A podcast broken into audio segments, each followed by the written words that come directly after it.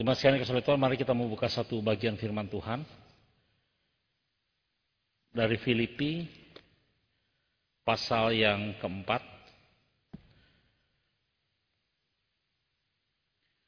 Filipi pasal yang keempat.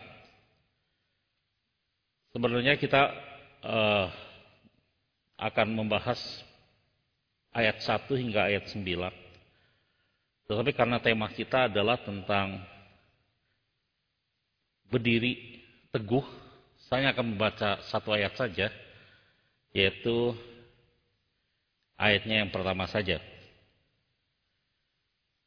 Filipi pasal yang keempat yang pertama. Tapi mohon setelah ini tidak ditutup Alkitab kita, nanti kita akan coba juga melihat beberapa ayat yang lain. Fokus kita ada di ayat yang pertama. Filipi 4 ayat yang pertama berbunyi demikian. Karena itu, saudara-saudara yang kukasihi dan yang kurindukan, sukacitaku dan mahkotaku, berdirilah juga dengan teguh dalam Tuhan Hai saudara-saudaraku yang kekasih. Bapak Ibu dan saudara sekalian, ayat yang pertama ini sedikit banyak menggambarkan hati Paulus kepada jemaat di Filipi. Sehingga dia mengatakan kepada jemaat Filipi sebagai jemaat yang kukasihi, kurindukan, sukacitaku, mahkotaku. Hatinya begitu mengasihi jemaat Filipi. Dan nasihat yang keluar dari Rasul Paulus ini juga adalah nasihat yang keluar dari hati. Sebagai seorang hamba Tuhan, sebagai seorang gembala, dia berkata demikian kepada jemaat Filipi, berdirilah juga dengan teguh dalam Tuhan. Kata yang dipakai oleh Rasul Paulus ketika dia menggambarkan tentang berdirilah dengan teguh dalam Tuhan adalah satu kata yang biasa dipakai di dalam dunia militer. Ini adalah satu kata yang ditujukan biasanya kepada seorang prajurit yang sedang berada dalam peperangan yang besar dan dia sedang berhadapan dengan serangan-serangan yang begitu hebat. Kita bisa bayangkan, Bapak Ibu dan Saudara sekalian, ketika seorang prajurit berada di dalam peperangan yang besar dan di tengah harus menghadapi serangan-serangan yang besar, tentu mungkin akan ada ketakutan dan keinginan untuk lari meninggalkan peperangan tersebut. Bukannya mereka mungkin pengecut, tapi itu hal yang manusiawi. Orang lari dari kesulitan. Kita nggak bisa menjudge orang yang pergi, Bapak Ibu sekalian, sebagai orang yang pengecut. Tetapi itu adalah hal yang sangat manusiawi. Dan di tengah-tengah kondisi itu, Paulus memakai kata ini untuk berkata kepada jemaat di Filipi, berdirilah juga dengan teguh dalam Tuhan. Bertahanlah di dalam peperangan, bertahanlah di dalam menghadapi serangan-serangan yang begitu hebat. Kenapa Rasul Paulus mengatakan hal ini kepada jemaat di Filipi? Karena memang jemaat Filipi sedang menghadapi serangan-serangan yang hebat. Minimal dua serangan hebat Bapak Ibu sekalian. Pertama adalah penderitaan, dalam hal ini adalah penganiayaan, karena memang jemaat Filipi sedang berhadapan dengan penganiayaan dari pemerintah Roma. Yang kedua adalah ajaran sesat.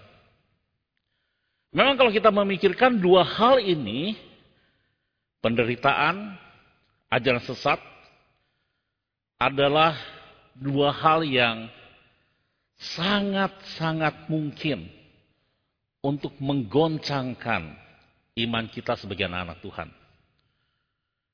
Mari coba kita lihat satu persatu sejenak. Pertama, masalah penderitaan. Kenapa penderitaan itu bisa menggoncangkan iman? Karena penderitaan itu adalah hal yang membenturkan realita dengan konsep kita tentang Allah. Ketika realita dan konsep kita tentang Allah dibenturkan, biasanya kita bingung. Biasanya orang yang mengalami penderitaan, mereka bukan tidak percaya kepada Allah. Mereka percaya Allah itu baik, mereka percaya itu Allah itu kasih, hanya mereka nggak mengerti kenapa Allah yang baik, Allah yang kasih itu membiarkan umatnya menderita. Sehingga tidak jarang orang-orang yang menderita bertanya, di mana Tuhan pada waktu saya menderita? Penderitaan membenturkan iman, pemahaman kita tentang Allah dengan realita yang tidak sesuai dengan apa yang dia pikirkan tentang Allah. Dan itu bisa menggoncangkan iman seseorang. Saya ambil contoh sederhana. Yang saya ambil contoh bukan penderitaan yang besar, tapi kesulitan kecil menurut saya. Suatu kali ada seseorang yang punya komitmen untuk melayani Tuhan, Lalu dia tutup toko di hari Minggu. Dia sudah sering mendengar kesaksian bahwa Tuhan akan mengganti berkat ketika tutup toko di hari Minggu, maka berkat itu akan melimpah di hari Sabtu, dari Senin sampai Sabtu. Maka dia tutup toko di hari Minggu, dia melayani Tuhan. Akibatnya apa? Omset menurun, usaha, pendapatan semakin kecil. Lalu dia bertanya, Kenapa begitu? Setelah saya menyerahkan waktu untuk Tuhan, kok omset menurun? Sekali lagi ini bukan penderitaan, bukan penderitaan yang besar. Mungkin kesulitan. Tapi itu pun bisa menggoncangkan iman seseorang ketika dia berkata, saya sudah serahkan sama Tuhan waktu saya, kok Tuhan nggak berkati. Jujur Bapak Ibu sekalian, pertanyaan-pertanyaan itu bagi kami atau bagi saya mungkin sebagai seorang hamba Tuhan kadang-kadang sulit untuk dijawab karena bukan kami yang mengalami orang lain yang mengalami kami tidak pernah mengalami bangkrut atau berdagang kami kan bukan pedagang. Jadi mungkin kami tidak memahami dan sulit untuk menjawab. Karena kalau kita jawab mungkin bisa ada beberapa kemungkinan. Bisa karena dia salah kelola bisa aja. Salah strategi berdagang sehingga dia menurun. Atau bisa karena memang kondisi ekonomi negara dunia sedang menurun sehingga itu mengurangi omset dia. Bisa aja ada banyak kemungkinan tapi bisa juga jadi Tuhan sedang menguji. Bisa aja. Tapi jawabannya mana tepat? Kadang-kadang kita tidak tahu tapi intinya ketika seseorang mengalami kesulitan atau penderitaan itu bisa mengguncangkan iman. Walaupun kesulitan itu kecil. Nah tidak heran Bapak Ibu sekalian Rasul Paulus berbicara kepada jemaat Kolose karena jemaat Kolose sedang mengalami penganiayaan. Penganiayaan bisa membuat seseorang meninggalkan iman, tergoncang dan mungkin demi hidupnya menyelamatkan diri dan kehilangan iman. Itu sebabnya Paulus berbicara dari hati. Berdirilah teguh dalam Tuhan. Berdirilah teguh dalam menghadapi serangan-serangan penganiayaan ini. Itu yang pertama. Yang kedua, selain penderitaan, ajaran sesat juga bisa sangat membuat kita tidak lagi berdiri teguh. Ini sangat tergantung Bapak Ibu sekalian seberapa sering kita mendengar atau bergaul dengan orang yang punya konsep yang bertentangan dengan firman Tuhan. Karena semakin sering kita mendengar pengajaran yang salah, semakin sering kita berbicara dengan orang yang sesat, maka kita bisa tersesat. kita bisa tersesat. Saya kasih ilustrasi sederhana seperti ini. Suatu kali Bapak Sekalian ada penelitian sedikit prank gitu ya, kepada salah satu orang di kantor untuk penelitian begini. Suatu kali ada di kantor itu di sebuah kantor orang-orangnya sepakat untuk memberikan prank kepada satu orang. Pranknya apa? Pranknya untuk berkata kepada orang ini, kok kamu kelihatan pucat, kamu sakit ya? Gitu kan? Jadi semua orang sepakat untuk berkata di hari yang sama dalam waktu yang berbeda kepada orang yang sama untuk mengatakan hal yang sama. Jadi ketika orang ini ada di kantor pagi-pagi datang satu orang berkata, kok wajahmu kelihatan capek sekali? Kamu sakit nggak? Enggak katanya. Kata orang ini, saya sehat. Oh ya baguslah. Lalu muncul orang lain lalu berkata, Wih, kamu ini kelihatan kayak orang sakit deh. Enggak, saya sehat aja. Orang kedua. Orang ketiga masuk, lalu bertemu dengan orang ini di tempat yang lain, tapi daerah yang sama. Eh, kamu ini kelihatannya pucat sekali deh wajahmu. Kayaknya kamu sakit. Dia katakan enggak menyangkal. Tiga orang, empat orang, lima orang. Dalam satu hari orang-orang berkata, kamu kelihatannya sakit. Besoknya, orang yang sehat ini beneran sakit. Karena dia ngerasa Orang semua lihat saya pucat, orang semua bilang saya sakit. Sakitlah dia. Tersesatlah orang ini, Bapak sekalian. Jadi ketika kita sering mendengar hal yang salah, kita bergaul dengan orang yang salah, tersesatlah kita. Pemasmur memperingatkan kepada kita di Mazmur 1, jangan bergaul dengan orang fasik, duduk, berdiri, berjalan, berbicara, karena kita akan sangat mudah untuk tersesat. Bapak Ibu sekalian, jemaat Kolose adalah jemaat yang begitu banyak orang di latar belakang yang berbeda. Dan di sana juga ada begitu banyak ajaran-ajaran yang salah. Mereka bergaul dengan orang-orang Kristen, orang-orang yang salah bergaul bersama-sama. Jadi tidak menutup kemungkinan tiap hari mereka akan mendengar hal-hal yang salah. Jadi sangat mudah mereka juga untuk tersesat. Nah di tengah-tengah kondisi seperti ini, Rasul Paulus berbicara kepada mereka, berdirilah teguh, jangan goyah. Jemaat kalau jemaat Filipi maksud saya sedang berhadapan dengan dua serangan besar dan Rasul Paulus berkata berdirilah teguh. Bapak Ibu dan Saudara sekalian, tadi saya katakan bahwa Rasul Paulus menasihati mereka itu dengan hatinya, dari hatinya begitu dalam. Tapi bukan hanya sekedar nasihat dari hati, tapi juga berdasarkan sebuah pengalaman, Bapak Ibu sekalian. Kita tahu Rasul Paulus pada saat itu sedang berada dalam penjara. Dan dia di penjara karena Injil. Jadi nasihat berdirilah teguh ini bukan hanya sekedar kata-kata yang keluar dari murid Paulus. Bukan hanya sekedar kata-kata yang keluar dari hatinya yang terdalam.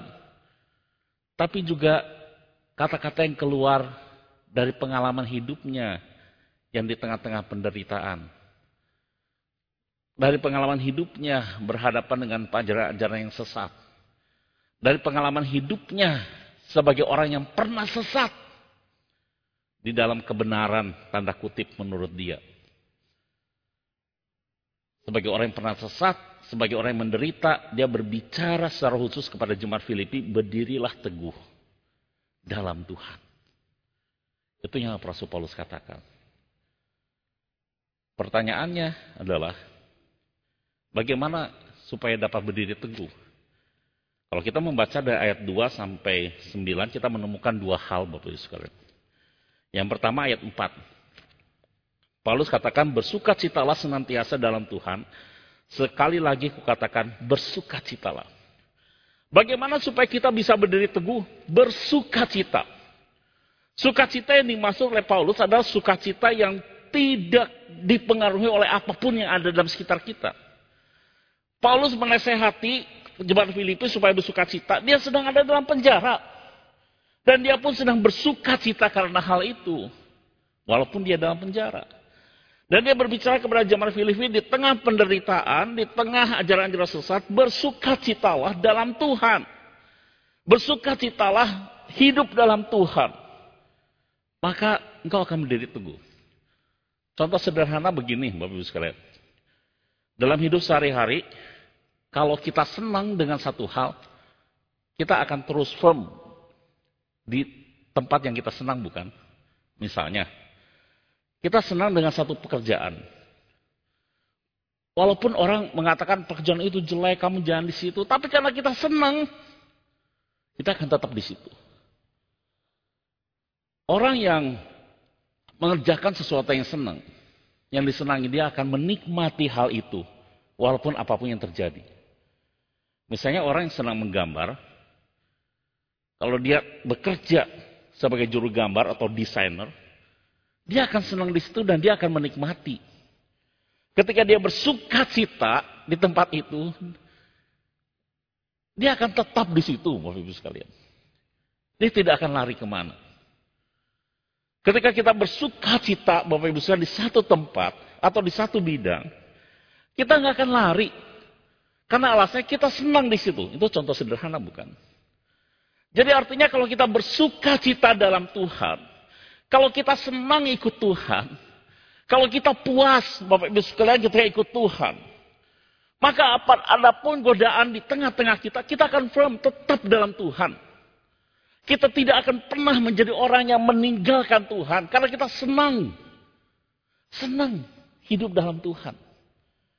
Rasul Paulus, Bapak Ibu sekalian, kenapa dia tetap dalam Tuhan? Walaupun dia menderita.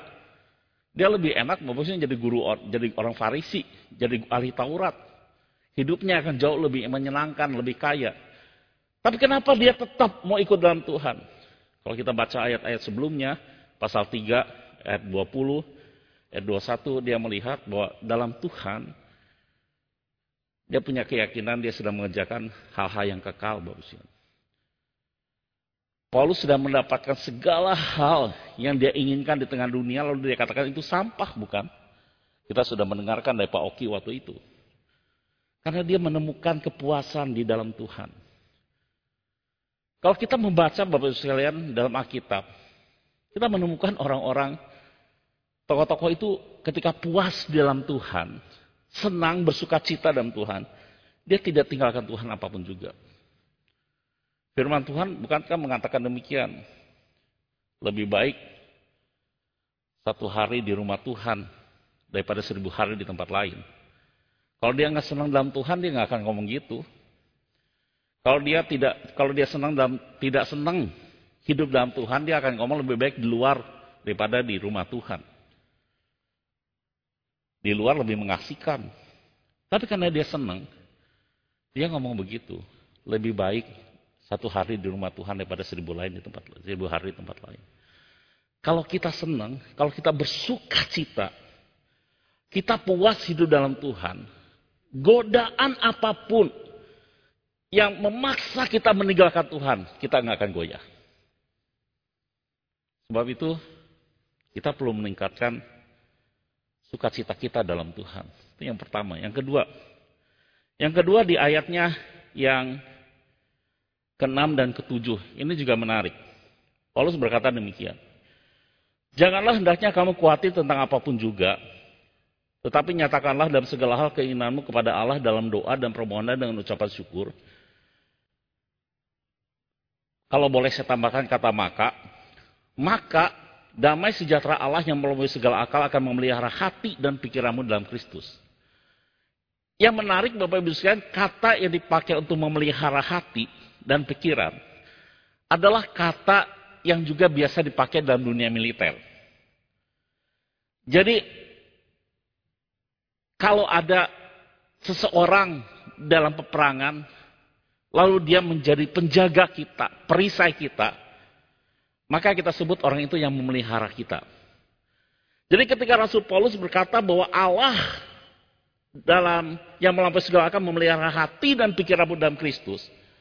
Seolah-olah Paulus berkata demikian kepada zaman Kolose, engkau sedang ada dalam peperangan. Engkau sedang menghadapi serangan-serangan, tapi percayalah ketika engkau berdoa, Tuhan ada di depanmu. Tuhan yang akan menjagamu. Tuhan yang akan memeliharamu. Kalau ada Tuhan yang menjaga dan memelihara, maka damai sejahtera yang melampaui segala akal akan ada dalam hidup kita. Dulu badan saya nggak sebesar gini Bapak Ibu sekalian. Saya kurus. Jadi kalau saya pakai kaos, mungkin saya boleh pakai kaos. Saya pernah kurus. Kurus sekali. Suatu kali saya berjalan dengan seorang uh, kakak pembina lah. Seorang wanita, kakak pembina kami di remaja. Saya masih remaja. Berjalan pulang gereja malam-malam. Lalu dia sampaikan begini. Rian, saya jalan malam-malam sama kamu ini serius nggak tenang. Bukan karena dia melihat saya orang jahat. Tapi dia ngomong gini, badanmu kecil. Kalau seandainya ada penjahat, kamu bisa apa? Begitu. Iya juga sih ya, gitu. Kalau ada penjahat, bisa apa? Gitu kan. Dulu badannya kecil sih. Sekarang badannya sudah besar, kalau ada penjahat juga sama sih, saya bisa apa. Begitu kalau lawan penjahat ya kalah juga lah. Saya kok tidak pernah latihan kungfu. Begitu. Nah Bapak Ibu dan Saudara sekalian dikasih oleh Tuhan, kalau seandainya ada orang yang menjaga, mengawal, kita dikawal oleh orang-orang yang hebat, tegap. Berjalan ke mana pun, ke tempat bahaya pun kita nggak takut bukan?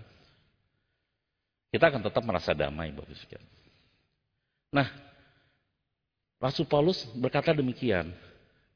Ketika kita dalam goncangan, ketika kita dalam serangan, berdoa. Dan efek dari doa itu adalah damai sejahtera Allah yang melampaui segala akal akan memelihara hati dan pikiranmu dalam Kristus. Di tengah serangan, Tuhan akan menjadi perisai. Akan menjaga memastikan kemenangan kita. Dan itulah yang akan membuat kita damai sejahtera dalam Tuhan. Saya ketika membaca ayat ini berkata, wow, luar biasa saudara. Ketika kita digoncang, hati kita gelisah, bukan? Ketika kita digoncang, hati kita takut, bukan? Yang kita butuhkan pada situ damai sejahtera, bukan? Pemeliharaan Tuhan, pimpinan Tuhan. Jadi janji firman Tuhan pada kita ketika kita berdoa kepada Allah dengan permohonan dan ucapan syukur, Tuhan mengubah hati kita yang goncang, takut, gelisah, terluka sekalipun menjadi damai sejahtera. Karena Allah memelihara hati kita nasihat yang berguna dari seorang gembala yang mencintai umatnya. Ketika kita tergoncang, bersukacitalah, merasa puaslah dalam Tuhan. Ketika kita tergoncang, berdoalah, maka damai sejahtera Allah akan memelihara kita.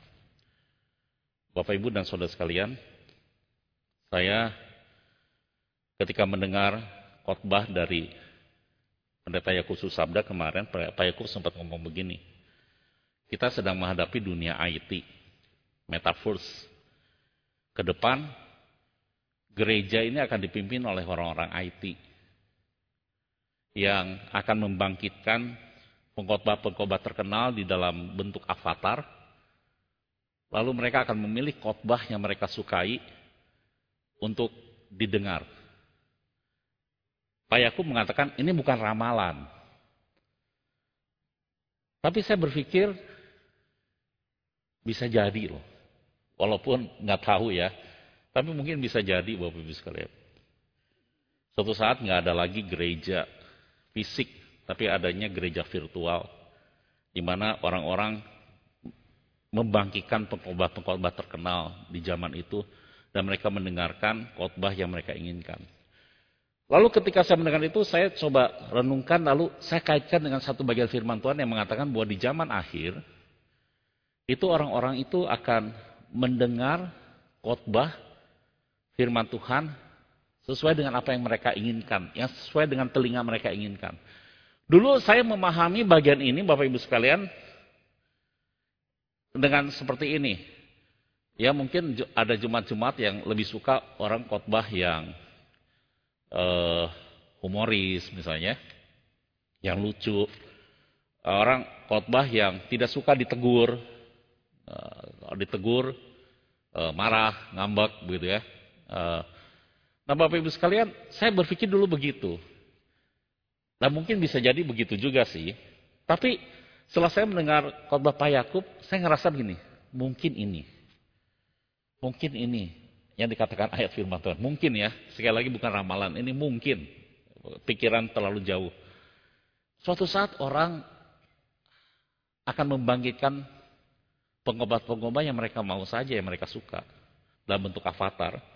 Lalu mereka hanya akan mendengarkan khotbah yang mereka inginkan. Sekali lagi ini mungkin. Tapi poin saya adalah, kalau memang itu terjadi,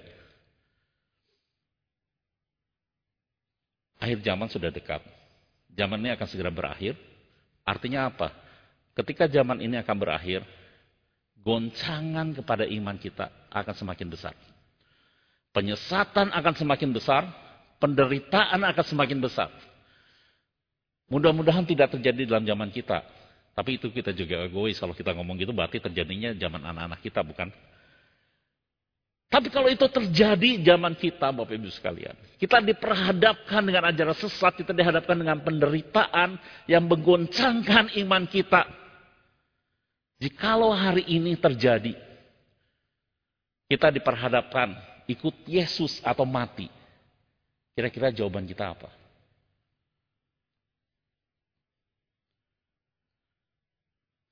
Sangat mudah kita mengatakan saat ini ikut Yesus. Tetapi saat itu sungguh sangat tidak mudah. Itu sebabnya nasihat Rasul Paulus bagi kita, bagi jemaat Filipi, itu juga berguna bagi kita. Suatu saat ketika kita berhadapan dengan kesusahan, penderitaan, kesulitan, kita berhadapan dengan ajaran sesat, kita digoda untuk beralih iman, kita digoda untuk menanggalkan Tuhan. Saya pikir nasihat Paulus kepada kita ini sangat baik. Berdirilah teguh, jangan goyah. Caranya gimana? Bersukacitalah dalam Tuhan, puas hidup dalam Tuhan. Yakini bahwa Tuhan itu adalah juru selamat kita. Dan kedua, berdoalah. Karena kita nggak sanggup menghadapi sendirian. Tuhan yang akan memelihara hati kita. Di situlah kita baru kuat. Amin. Mari kita berdoa.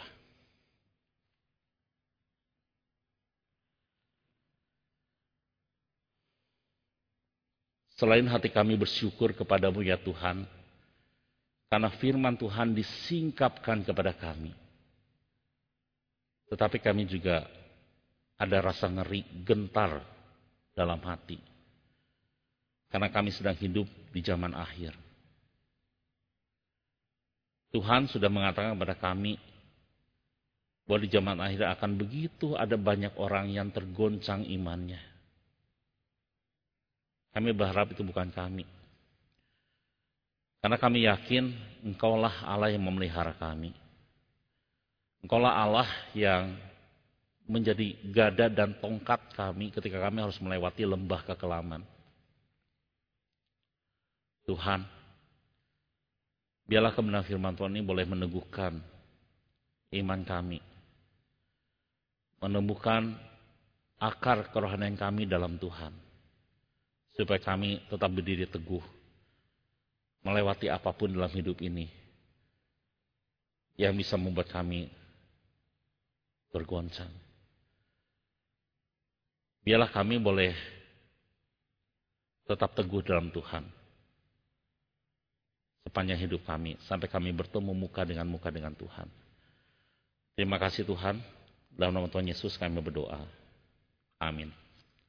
Satu dua ibadah selesai. Selamat malam.